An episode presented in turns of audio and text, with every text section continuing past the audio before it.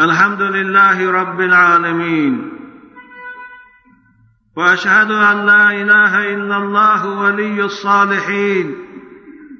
وأشهد أن سيدنا وعظيمنا وحبيبنا محمدا رسول الله خاتم الأنبياء والمرسلين وعلى آله وأصحابه أجمعين.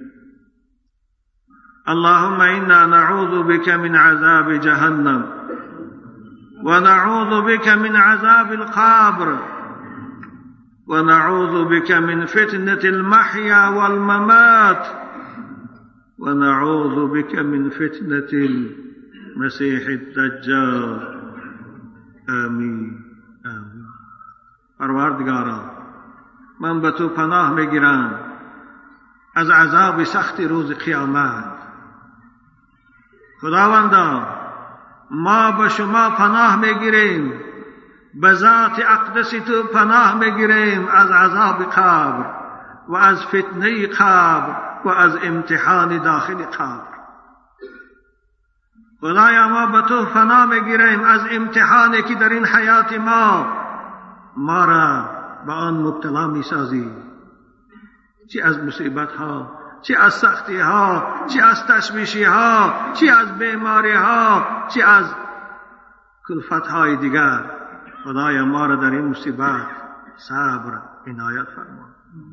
خدایا ما به تو پناه می‌گیرم از امتحانی که بعد از مرگ چی در داخل قبر و چی در روز قیامت؟ بالای باد میآری خدایا ما را از آن امتحان سربلندانه نجات دی خدایا ما به تو پناه می‌گیریم.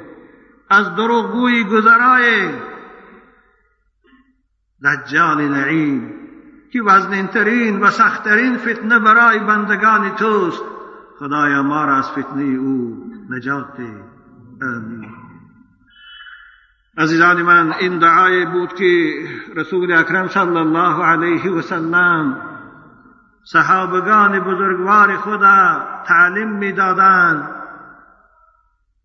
مانند که یک سوره از قرآن به اونها تعلیم می‌دادند. ابن عباس روایت می‌کنند وكان صلى الله عليه وسلم يعلمهم هذا الدعاء كما كان يعلمهم السورة من القرآن. جناب پیغمبر به صحابگان خود و برای ما و شما هم تا قیامت امت اسلام این دعا را تعلیم دادند و به ما سفارش دادند که این دعا را از خود کنیم و همیشه در نماز و در بیرون نماز و در دل شب و در حالت سجده این دعا را کنیم. مانند که یک سوری از قرآن به صحابگان بزرگوار خود تعلیم می‌دادند این دعا را هم به ایشان تعلیم می‌دادند. اللهم انی أعوذ بك من عذاب جهنم. و اعوذ بك من عذاب القبر. وأعوذ بك من فتنة المحيا والممات. وأعوذ بك من فتنة المسيح الدجال. رواه مسلم. جسد را در داخل لحد گذاشتند باید کسی که جسدی میت را در قبر می‌گذارد فقها می‌گویند شخصی با همان مرحوم نزدیک باشد مانند برادرش یا پدرش یا فرزندش و الا اگر شخصی به او نزدیک نباشد از خویشاونداش مانند تقایی عمکش. شخص باید جسد مرحوم را در قبر گذارد که آدم صالح باشد با تقوا باشد آدم سیر پنهان باشد. زیرا که حالت قبر زیرا که داخل قبر شاید حادثات رخ دادنش ممکن است. بنابر باید آدم با اعتماد جسد را در قبر گذارد.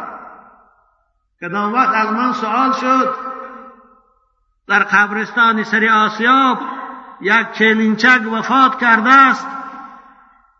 از خیشاوانداش کسی یافت نشد از که جسدی او را در قبر موند یک موشفیدی بیگانه در آمده در قبر گذاشتند. باید همسر شوهرش در قبر موند عزیزان من همون همسره که یک عمر در آغوش تو بود برای تو نزدیک بود برای تو محبوب بود. بعد از برآمدن جان بیگانه شد بعد از برآمدن جان برای تو وحشت زده شد بعد از برآمدن جان برای تو نفرت آور شد. باید خود او را آغوش کرده در خانه قبر گذاری نگذاری که دستی نامحرم به جسدی خانمی تو زند. عزیزان من جوانای عزیز یا باید پدرش میگذاشت یا باید تقاش میگذاشت یا باید عکاش میگذاشت یا باید فرزندش میگذاشت بچهش نبیگانه. رسول خدا با همون قرب کمالاتی که داشتن با همون مقاماتی که داشتن خود داخل لحد می‌شدن جسدی بعض صحابه ها را در قبر میگذاشتن. حضرت عبدالله ابن مسعود در غزوه تبوک می‌گوید نصف شب از خواب بیدار شدم نگاه کردم در کرفه در پهلوم پیغمبر بزرگوار نیستند نصف شب بود شاید ساعت یک بود ساعت دوازده بود دست دراز کردم به کرپه ایشان دیدم کرپشان خنک دانستم که بر وقت از کرپه خیستیان گجای رفتیان پایانتر نگاه کردم جای ابو بکرم خالی بود جای عمرم خالی بود. خدایا اینا کجا رفته باشم خستم در جای خود نشستم دیدم در آخر خیمگاه نه دورتر از جای لشکر یک چراغ روشنایی داد ایستاده است. رفتم نزد روشنایی. دیدم یک قبر کندگی در بالای لحد یک جسد کفن پیش گذاشته شدگی. رسول بزرگوار در داخل لحد ابو بکر عمر در دالان استادیان گفتم رسول خدا جان من این شبیده در این به وقتی شب این کی است؟ پیغمبر خدا آدم که عبدالله برادر تو زنبجاده این است که وفات کرد. ببینه همان شب بعد از شام وفات کرد. رسول اکرم همان شب پیش از صبح او را در خاک گذاشتند. عزیزان من مرده ها را یک روز و دو روز و سه روز و یک هفته که چگونه در ها دیدیم من کردن از اسلام نیست. حضرت ابوبکر که خلیفه اول اسلام بود بشارت داده شده به جنت بود. بعد از خفتن وفات کردن در مدینه منوره پیش از صبح جسد او را در خاک سپاریدن اعلان نکردن به تمام حکومت ها که به تمام ولایت ها که والی آش بیاید چرا که رسول اکرم گفته بود انسان جسدش وقتی که به روح شد به جان شد هرچی زودتر او را به خانه خود به قرارگاهش گذارید این از سفارش پیغمبر اسلام. نه یک هفته گذاشتن نه اینکه در کجا دیدیم ده روز باز یک شخص در مردخان خواب است. حضرت عبدالله ابن مسعود میگه رسول اکرم لحد تیار کردن از لحد برآمدن دستشان به سوی قبله برداشتن گفتن اللهم انی امسیت راضیا عنه فرض عنه. خدایا من از این عبدالله زل بجاده راضی هستم. خدایا تو هم از او راضی شو. دعا کردن ثانی در لحد در آمدن و جسد عبدالله را گرفتن و با دست مبارک در لحد گذاشتن عزیزان من وقتی که پیغمبر خدا داخل لحد میدراد برای چی ما و شما نمیدراییم؟ برای چی در لحد گذاشتن فقط برای دو قورکنی بیچاره می‌گذاریم؟ الله حضرت عبدالله ابن مسعود میگه آب دیدم ریخت. گفتم خدایا کاش که در جای عبدالله زل بجاده من می‌شدم و جسد من پیغمبر خدا در لحد میگذاشت. آره جسدی که دستی پیغمبر در او رسد و یا آتش دوزخ نمیسوزاند. باز میگردیم به موضوع صحبت خود. جسد را در خاک می‌گذارند. دهن لحد محکم می‌کنند. غیش می‌زنند. چیم می‌زنند.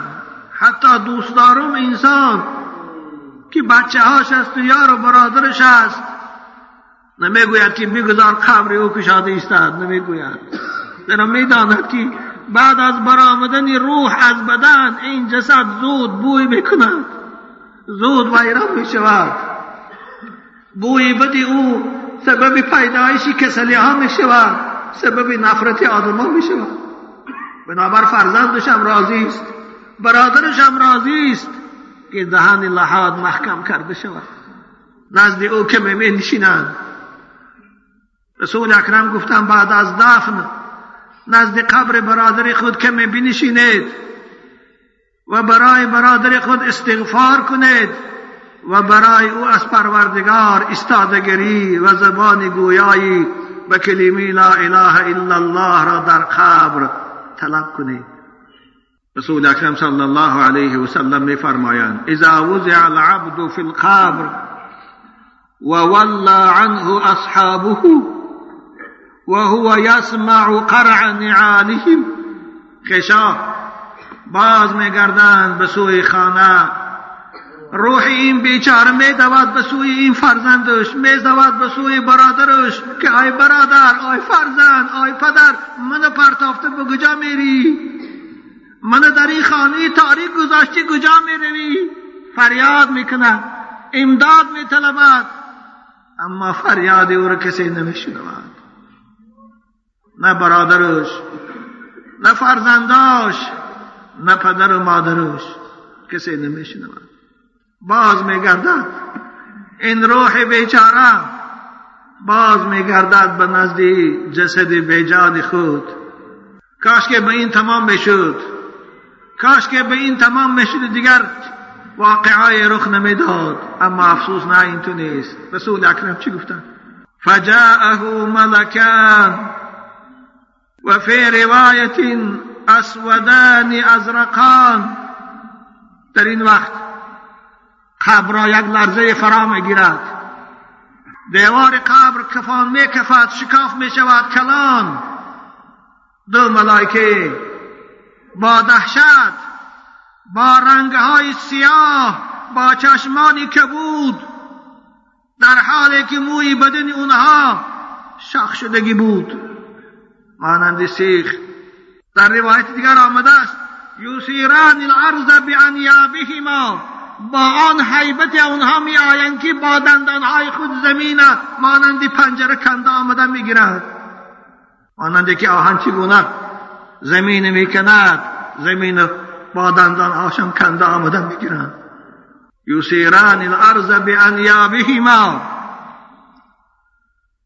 فیفصحان الارض باشعارهما با موی شیخ خود خاکها را ریزانده آمدن می‌گیرند.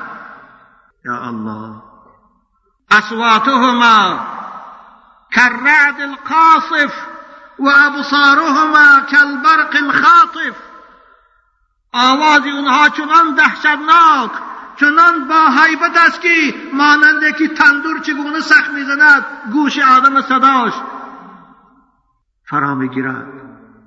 آواز اونها خبر به لرزه می آرند آواز اونها لحد به لرزه می آرند چشمان اونها چنان تیزی بود که وقتی که به جسد میت و روح بیجان این جسد میافتند. مانند چراغت چشم خیره می‌کنند پیغمبر خدا مخبر صادق از این احوال برای ما خبر دادی ساده است. فيقعدانه وفي رواية ويجلسانه آن روز قبر کشاد است. او قبر که می‌دهد دو به یک نیست. عالم قبر عالم کشاد است که صدها برابر این کره زمین ماست عزیزان در کتاب ها می‌گویند انسان چهار عالم دارد. یکی عالم ارحام عالم رحم است. یکی عالم دنیاست یکی عالم قبر است یکی عالم آخرت. دنیا چگونه نسبت به عالم رحم کلان است؟ عزیزان من عالم رحم من به شما چند بار گفتم که پنج سانتی متر درازی دارد. دو نیم سانتی متر برو بر بردارد پهنی دارد. عالم رحم مساحتش همین است. عالم دنیا وقتی که ما به دنیا ببینیم چی کشاد است؟ عالم قبر که ما را در آن می‌گذارند از پیش چشم ما پرده ها کشاده می‌شوند. کلانیش مانند دنیا نسبت به رحم است. عزیزان من دنیا را کلانش نسبت به رحم مادر چگونه است؟ عالم قبر هم کلانش نسبت به دنیای ما مانند همون است. یعنی این دنیا مثل رحم است. قبر مانند این دنیا است کشادیش. فبصر کل یوم حدید. آن روز چشم پرده ها برداشته می شود دنیای دیگر را در این عالم برزخ. ببینید و خانه تنگل نیست. عالم آخرت نسبت به عالم قبر مانند دنیا نسبت به رحم است. دنیا نسبت به عالم قبر مانند رحم مادر است. و عالم قبر هم نسبت به حیات آخرت به عالم آخرت مانند رحم است. این از چهار دنیایی که چهار عالمی که ما داریم. هر کدامش ما تعیین می‌کنیم. در عالم رحم مادر باشیم آرام هستیم نه ماه ریسک می‌خوریم نفس می‌کشیم. گویا اینکه از این دنیای کلانتر نیست. وقتی که فرمان پروردگار صادر می‌شود به دنیا بیا. فریاد می‌کشیم چی رسم می‌زنیم؟ نمی‌خواهیم از اون جای آرام خود به دنیای پر مشقت بیاییم. اما آی ناعلاج می بیاییم گریه می‌کنیم داد می‌زنیم چی رسم می‌زنیم؟ این چنین در این عالم که اونس می‌گیرم 20 سال و 50 سال و 60 سال و 70 سال روز باز فرمان خدا صادر می‌شود که از این عالم هم برو نمی‌خواهیم بریم نمی‌خواهیم رویم اما ناعلاج باز می‌رویم باز برای ما گریه باز برای ما افغان است. می‌رویم به عالم قبر عالم برزخ. باز روز از او عالم برزخ. از او عالم قبر. باز فرمان پروردگار صادر می شود. به عالم همیشگی و به جایی که دیگر بعد از وی جای دیگر نیست. عالم آخرت می روید این از چهار دنیایی که ما داریم. عزیزان. الله این دو ملائکی با حیبت او را میشینانند او را میشینانند رسول اکرم گفتند اگر این بنده اگر این مرحوم شخصی با ایمان باشد با عمل صالح باشد با طاعت باشد پرسنده ها رسند پرسنده ها رسند به دست گرزی آتشین پرسنده ها رسند به دست گرزی آتشین صد زهراب می شود از بنده حزین صد زهراب می شود از بنده حزین گویند رب کیست رسولت کدام دین؟ گویند رب کیست رسولت کدام دین؟ از کشتگاهی خیش چی آورده ای ببین میشینانند می‌گویند من ربک از دهشت اونها از حیبت اونها از زبان اونها آتش علنگی می‌زند. من ربک خدای تو کیست؟ بیچاره روح می لرزد خیال می‌کنه که او جسده که خواب است او آرام است نه او را لحظه فرا می‌گیرد اگر با ایمان باشد اگر در این دنیا مانند شما مسجدی باشد جوان پاکیزه باشد می‌گوید ربی الله خدای من الله است خدای من آفریدگار آسمان و زمین است خدای من زنده کننده و میراننده است خدای من دانای آشکار و نهان است. لا اله الا الله. الله ربی. دویم سوال صادر می شود. سوال دویم. باز میتیان اونها از جواب این شنیدن یک بار یک تکانه می‌خورند این دو ملائکه. و یک دیگر نگاه می‌کنند این فتنه قبر است. سوال دویم. و ما دین تو کدام دین است اگر مومن باشد اگر با طاعت باشد اگر در مجلس علماش اشتراک کرده باشد می‌گوید دین من دین اسلام است ان الدین عند الله الاسلام من پیرو اسلامم همان دینه که خدا برای بشریت فرستاد همان دینه که خدا برای بندگانش واسطه پیغمبراش فرستاد. من پیرو اسلامم من زردوش نیستم من یهودی نیستم من بودایی نیستم من مسلمانم الحمدلله. و من یبتغی غیر الاسلام دینا فلن يقبل منه وهو في الآخرة من الخاسرین. غیر از اسلام دیگر هیچ دین خدا قبول ندارد. باز یک تکانه می‌خورند سوم سوال صادر می شود و من نبیک. در روایت بخاری مسلم آمده است و می‌گویند و ما كنت تقول في هذا الرجل لمحمد صلوات ربی و سلامه علیه. پیغمبر خدا را صورت زیباش میارند و می‌گویند ای بنده در حق این شخص چی می‌گویی؟ تو محمد می‌شناسی؟ مصطفی را به خود برند همراه. مصطفی را به خود برند همراه چون زمیت سال کنن انگاه تو که از آفریده اوی؟ تو که از آفریده اوی؟ در حق این رجل چی می‌گویی؟ چی می‌گویی؟ این کی است؟ عزیزان من عاشقان مدرسه محمدی. این بهترین لحظه است برای ما و شما در عالم قبر که این چشمان ما به جمال محمدی در آنجا مشرف می شود پیش از آمدن قیامت. این بشارت است برای عاشقان محمد. برای عاشقان جمال محمد این بشارت بزرگ است. تو در حق این مرد چی می‌گویی؟ این چیست بنده مومن چی می‌گفته است هو عبدالله و رسوله. این بنده خدا و پیغمبر بزرگوار خدا محمد است.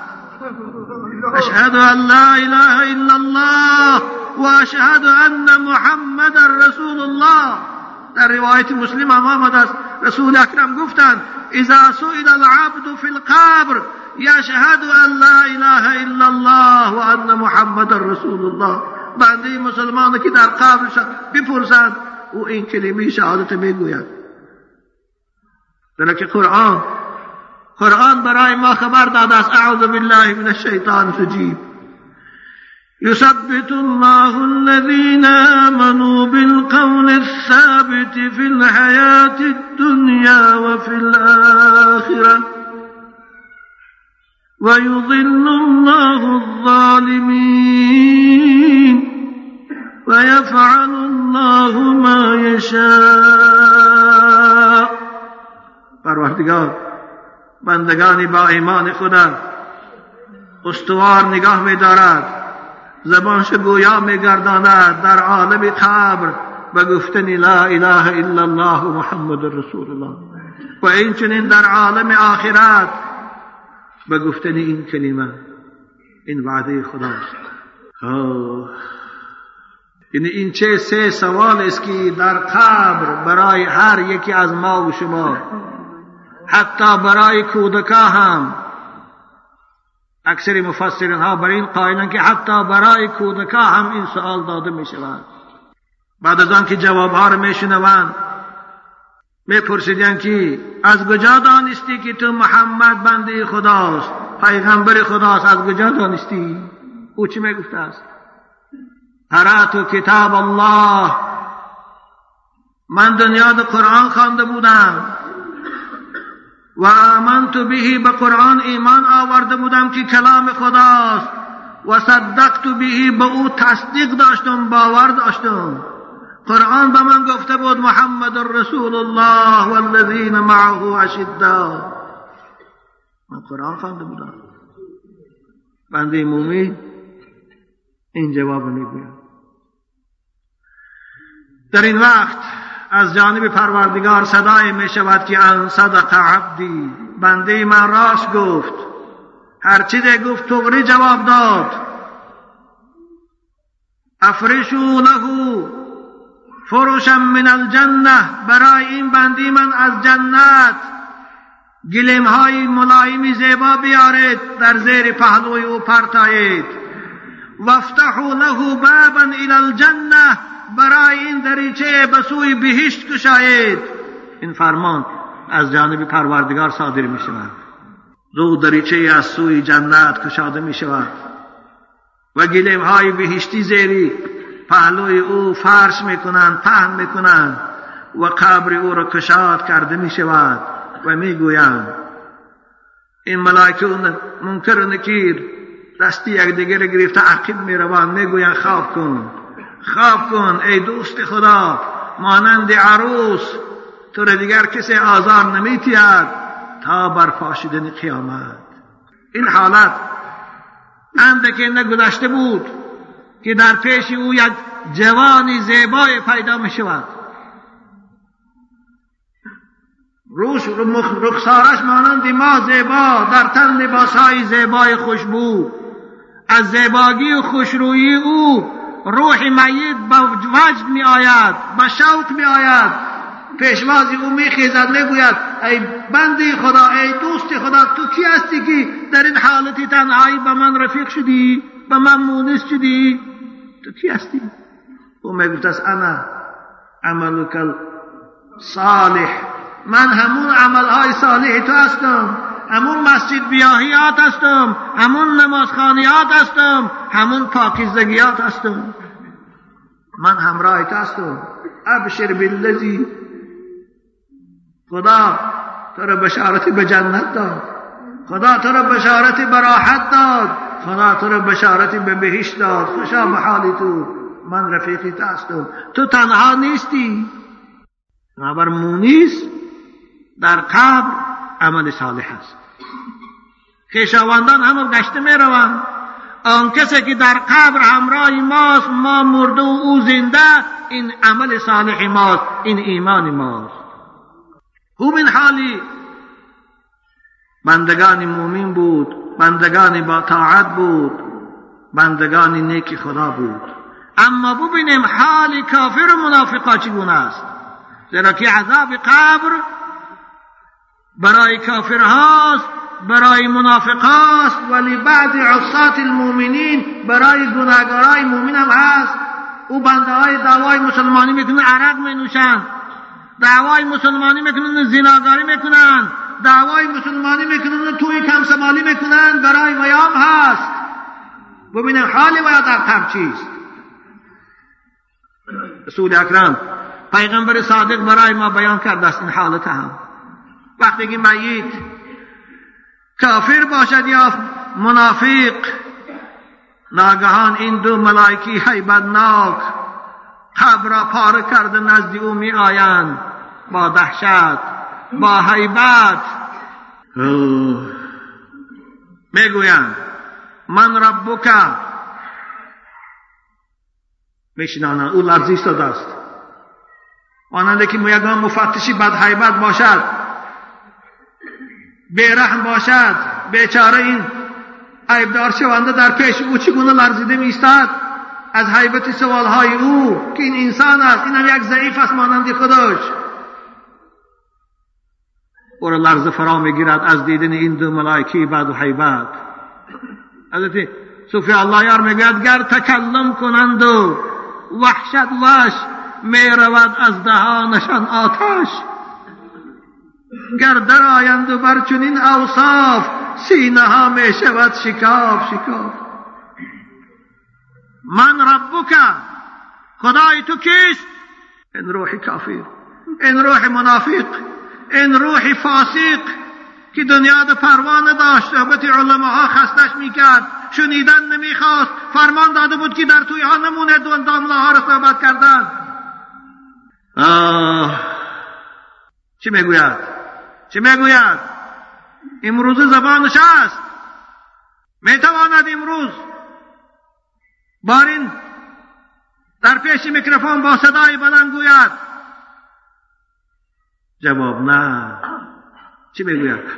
ها ها می‌گوید. در حدیث آمده است رسول اکرم تا. یعنی از دهشت نفسش می‌گیرد آوازش خسته می شود آوازش کنده می شود ها ها. لا ادری من نمی‌دانم خدای من کیست نمی‌دانم. کنت اقول فی الدنیا ما یقول الناس. در بعضی روایت آمده است. منم در دنیا می‌گفتم. چگونه که آدما می‌گفتن خدا هست منم می‌گفتم خدا هست اما خودم باور نداشتم. مانند اکثری جوانای ما امروز اکثری برادرای مسلمان ما که نام مسلمانی به اونها حیف است باور ندارن وجود خدا ده خرافات می‌دانن. من نمی‌دانم. آدما می‌گفتن باورم نداشتم باز می‌پرسن. و ما دین که دین تو چیست؟ در کدام دین بودی در این دنیا؟ ها ها نمی‌دانم. لا ادری. از اسلام که نفرت داشت. اسلام که نمی‌خواست قانونش جاری شود. نمی‌خواست که اسلام احکامش پیاده شود. آن روز چی می‌گوید؟ چی می‌گوید بگوید دین من اسلام بود؟ همون اسلامی که مقابلش مبارزه برد؟ همون اسلامی که نموندش قامت راست کند دعوا می‌کند که دین من مسلمان بودم. آن روز چی میگه؟ ها ها لا ادری. من نمی‌دانم. من نمی‌دانم دینی من چی بود. می‌گفتم مسلمانی اسلام من خودم باور نداشتم.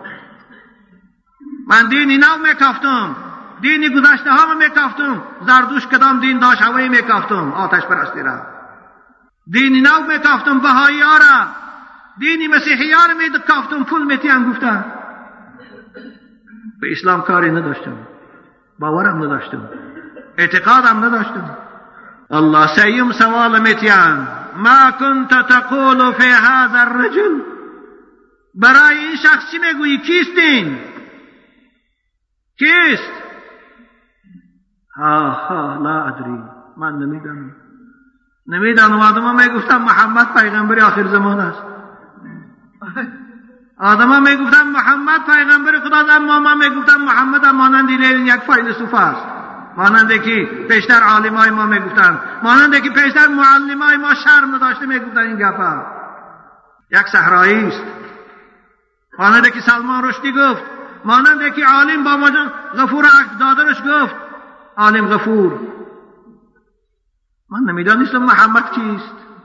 الله از حیبت زبانش می‌گیرد بدنش لرزه فرا می‌گیرد. چی جواب میشنود؟ اونها ملائکه به او چی می‌گویند؟ لا دریت ولا تلیت. آره تو ندانستی. و حتی پیروی از مسلمانان نکردی. تو شنیدن نمی‌خواستی درباره پیغمبر. تو حدیث های پیغمبر شنیدن نمی‌خواستی. در موعظه ها اگر توی ها موعظه می‌شد سفارش می‌دادی که رادیو رو خاموش کنه. توی جای موعظه نیست توی جای رقص بازی است. در توی امر معروف و نصیحت ممکن نیست در کنار خدای احمد اشان سید مومن شنیدیم با الله گفته در خدای موعظه چی در دار است؟ در خدای موعظه ممکن نیست در بالای تابوت موعظه ممکن نیست غیر آدمای مخصوص. برادرای عزیز در کجا امر خدا را به بندگان خدا رسانند؟ مولود یک معظمه زاید ممکن نیست. بندگان خدا از کجا احکام اسلام یاد گیرند؟ كنتم خير أمة أخرجت للناس تأمرون بالمعروف وتنهون عن المنكر وتؤمنون بالله. خدا ما رو به خاطر آن مدح می‌کند که ما باید امر معروف کنیم. در توی ها در مراسم ها در جنازه ها در خدای ها بیچاره ها به راه راست خدایی کنیم. وظیفه ما این است. برای خدا ما رو کرد ایستاده است. قرآن هیچگاه نگفته است که فقط وظیفه دعوت وظیفه اداره قاضیات است. فقط خطیب ها باید صحبت کنند دیگرانه قرآن این نگفته است. پیغمبر این نگفته است. شرم دارن کسانی که این صدا از زبانشان می‌برد. پیشگاه پیغمبر خدا در جوابگیریشان اندیشه کنند. که چی جواب میتیم الله. لا دریت ولا تلیت. ما می‌دانستیم تو نمیدانی. تو زیرا که در قفای دنیا از قفای عالم ها نرفتی. صحبت عالم ها را شنیدن نمی‌خواستی. و چی می‌شود؟ عزیزان ما حال چی می‌شود؟ رسول اکرم بیان کردند فیضربه بمطرقت من حدید ضربتا يصيح صيحة تسمعه البهائم. غیر الثقلین با گرز آهنین که رسول اکرم گفتن تمام انسان های روی زمین جمع شوند گرز اونها رو برداشت نمی‌تونن در یه حدیث. او گرز است که لو ضرب به الجبال اگر کوه ها به او زده شود پاره می‌شود چه می‌شود با این گرز آهنی بر سر او چنان می‌زنند که به زمین خاک می‌شود به زمین هموار می‌شود. ای کاش که اگه به امین خاک می‌شد و میمرد و خلاص می‌شد. نه دیگر خلاصی نیست. لا یموت فیها ولا یحیا. نه حیات دارد در قبر که خلاص شود. نه مرگی می بیاد که از عذاب او را نه فیضربه بمطرقة من حديد ضربة يصيح صيحة تسمعه. يسمعه من يليه غير الثقلين. آواز أو تمام موجودات میشنوند. فقط انسان. فقط انسان است که نمیشنود. فقط جن است نمیشنود. دیگر همه میشنود. بنابر رسول اکرم در یه حدیث صحیح فرمودند. لولا تدافنوا لدعوت الله ان يسمعكم من عذاب القبر الذي اسمعه اگر دفن کردن مرده ها نمی بود اگر قبرستان برده مرده ها را دفن کردن نمی بود من حتما از پروردگار خواهش می کردم که بعض عذاب قبر از در گوش شما آواز رساند. لیکن شما آواز قبر عذاب قبر اگر شنوید به قبرستان دیگر نزدیک نمی روید دیگر حیات در دنیا باز می ایستد هیچ کس پیش قبرستان دیگر نمی رسول اکرم چی گفتن؟ از جانب پروردگار صدا می شد است که ان کذب عبدی. این بنده ای من دروغ گفت. این کافر و منافق و فاسق دروغ گفت. این می‌دانست که خدای من خدای وی منم الله. این می‌دانست که دین حق دین اسلام است. این می‌دانست که محمد پیغمبر خداست. فرستاده اوست این می‌دانست؟ اما از حسد قبول نکرد از عداوت قبول نکرد از دشمنی قبول نکرد. این دروغ می‌گوید. ان کذب عبدی. فافرشوه لوحین من نار. برای وی دو آهن تسپان از دوزخ بیارید. یکی در زیر پهلوش برتایید یکی را در بالاش سرپوش کنید. وافتحوا له بابا الى النار. به سوی دوزخ دریچه از قبر او کشایید. و یزیق علیه قبره. فرمان می‌داد از پروردگار که ای قبر ای قبر این کافر این منافق این عرق خورتون رسول اکرم گفتند قبر او رو چنان میجقد که فیختلف از لاع قبرهاش به یکدیگر. آمیخته می‌شوند خدایا فناتی از این عذاب قبر للقبر زختتون لو نجا منها احد لنجا منه سعد بن معاذ. رسول اکرم قبر جقش دارد. اگر کسی از جقش قبر خلاص می‌شد سعد بن معاذ خلاص می‌شد. سعد ابن معاذ کی بود عزیزان من سعد ابن معاذ از بین انصاری ها مانند ابو بکر در بین مهاجرین ها بود. وقتی که رسول اکرم جنازه سعد بردن و به خاک سپاریدن یا الله حضرت نگاه کردن به چشم نبوت دیدن که قبر نزدیک شد نزدیک شد. جسدی سعد در جقیدن شد یا الله. حضرت سبحان الله سبحان الله سبحان الله سه بار.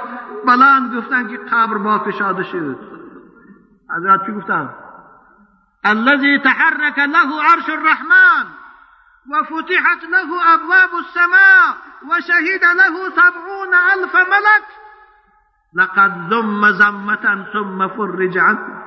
شخص گفتن که به مرگ این عرش الهی به جنبش درآمد شخصی که درهای آسمان برای برآمدن روح او کشاده شدند از پیشواز اوش از شادی او. و هفتاد هزار ملائکه در جنازه او اشتراک کرد. الان گفتن قبر او را جقی یا الله. به حضرت گفتن لو نجا من زغتة القبر احد. لنجا منه سعد بن معاذ. الله. قبر او را زیر می‌کند. استخاناش به یکدیگر میپیچند او ملائکی معکل به عذاب او با گرزی آهدین او را می‌زنند و زمین هموار می‌شود. باز میخیزد. این عذاب قبر است. قرآن می‌گوید اعوذ بالله من الشیطان الرجیم. وحاق بآل فرعون سوء العذاب.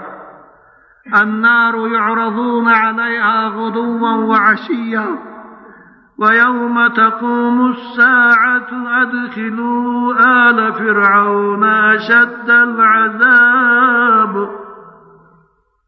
عذاب قبر عزیزان من حجت همه آیه مبارک است وحاق بآل فرعون سوء العذاب.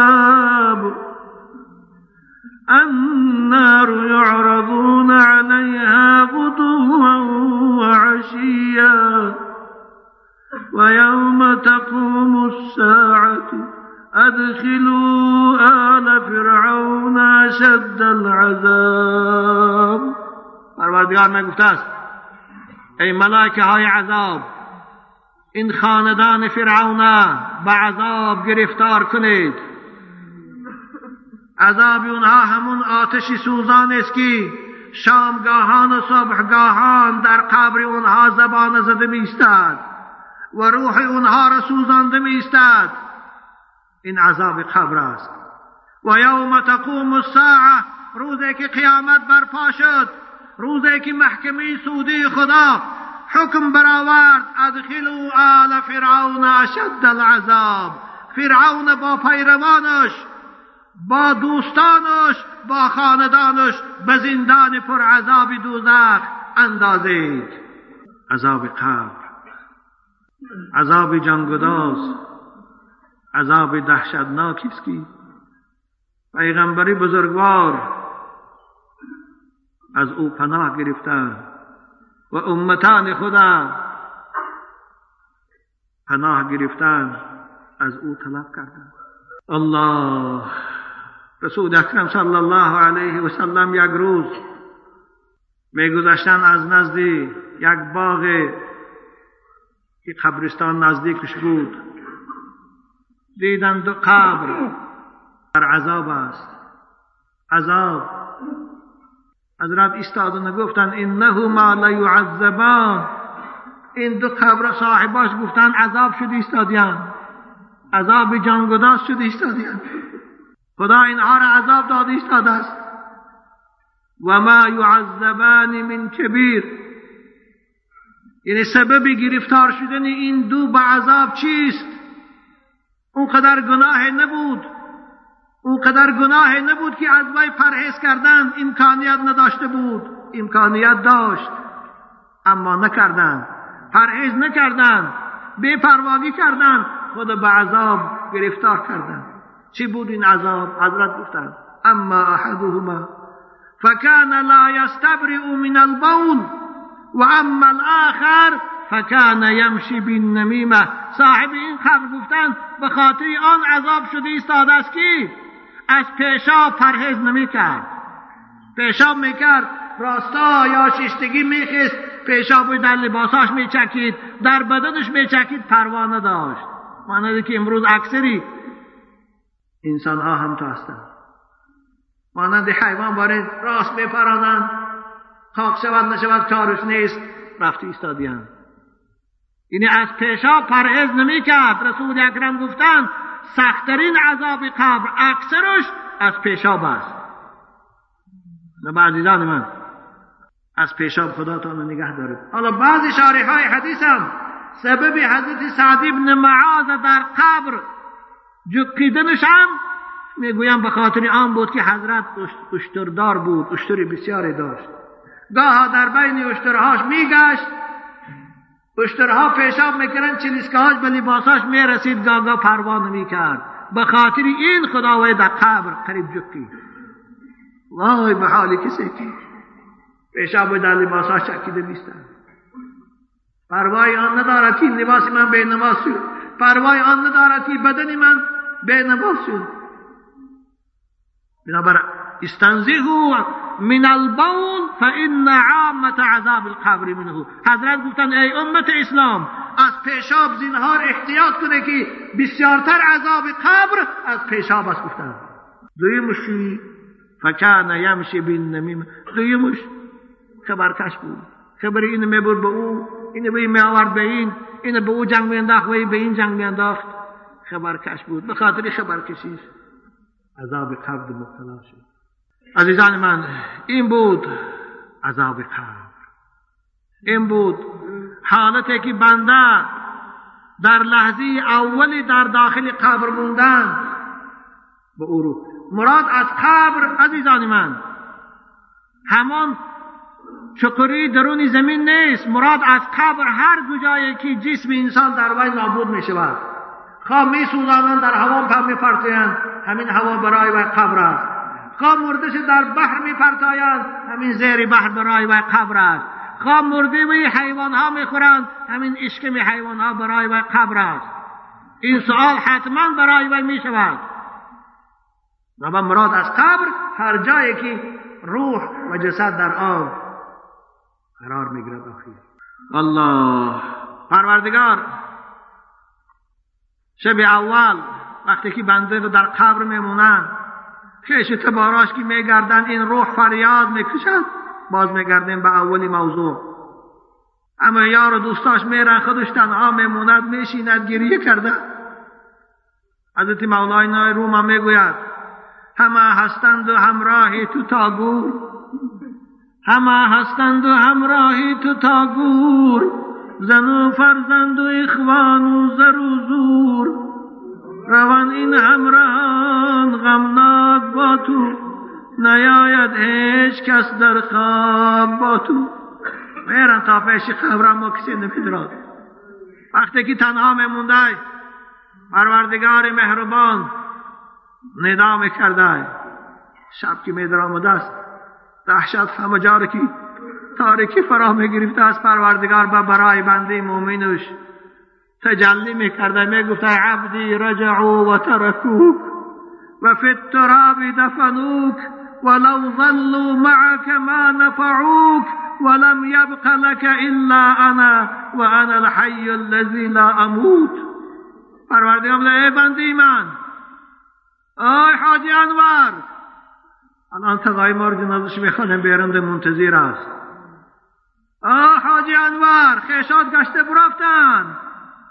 بچه هات گشته رفتن خارزادات گشته رفتن تو رو تنها گذاشتن در این خانه تاریک.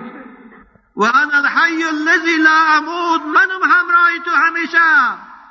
همراهی تو من هستم من هستم خدایی که همیشه زنده هستم. همیشه از احوال تو خبردار هستم من هستم. الله شب اول قبر شب دهشتناک. عزیز می‌گوید والله لو عاش الفتى الفا من الأعوام. قسم به خدا یک انسان هزار سال عمر بیند. هزار سال. ده عصر. والله لو عاش الفتى الفا من الأعوام مالك عمره متلذذا فيها بكل نفيسة و متنعما فیها بنعم عصره. هزار سالم حکومت در دستش باشد. هزار سالم بالای تخت تلایی نشیند مانند که صدام تخت تلایی داشت. هزار سال در پیشش رقاصه های لچ با تنهای سفید برهنه رقص کنند.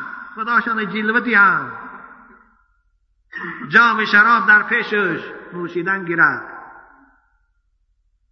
های لذیذ مهمانخانه های پنج ستاره ها بالای دیوان های ملایم در راحت داشته باشد تمام شرایط براش مهیا باشد لا یعتریه سقم فیها مرتا در هزار سال یک بار هم سردرد نشود.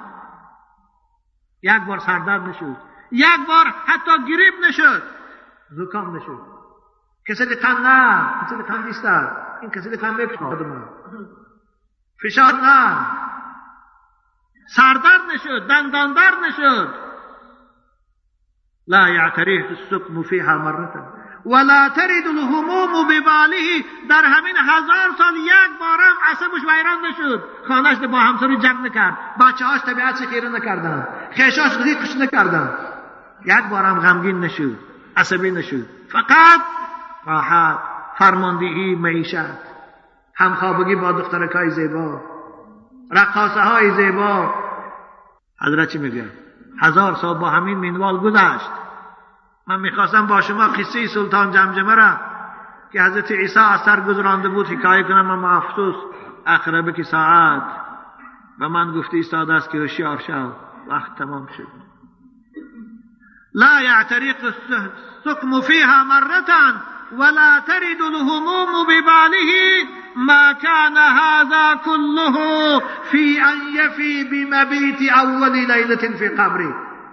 قسم به خدا هزار ساله معیشت هزار ساله راحت به یک شب داخل قبر برابر نمی شود.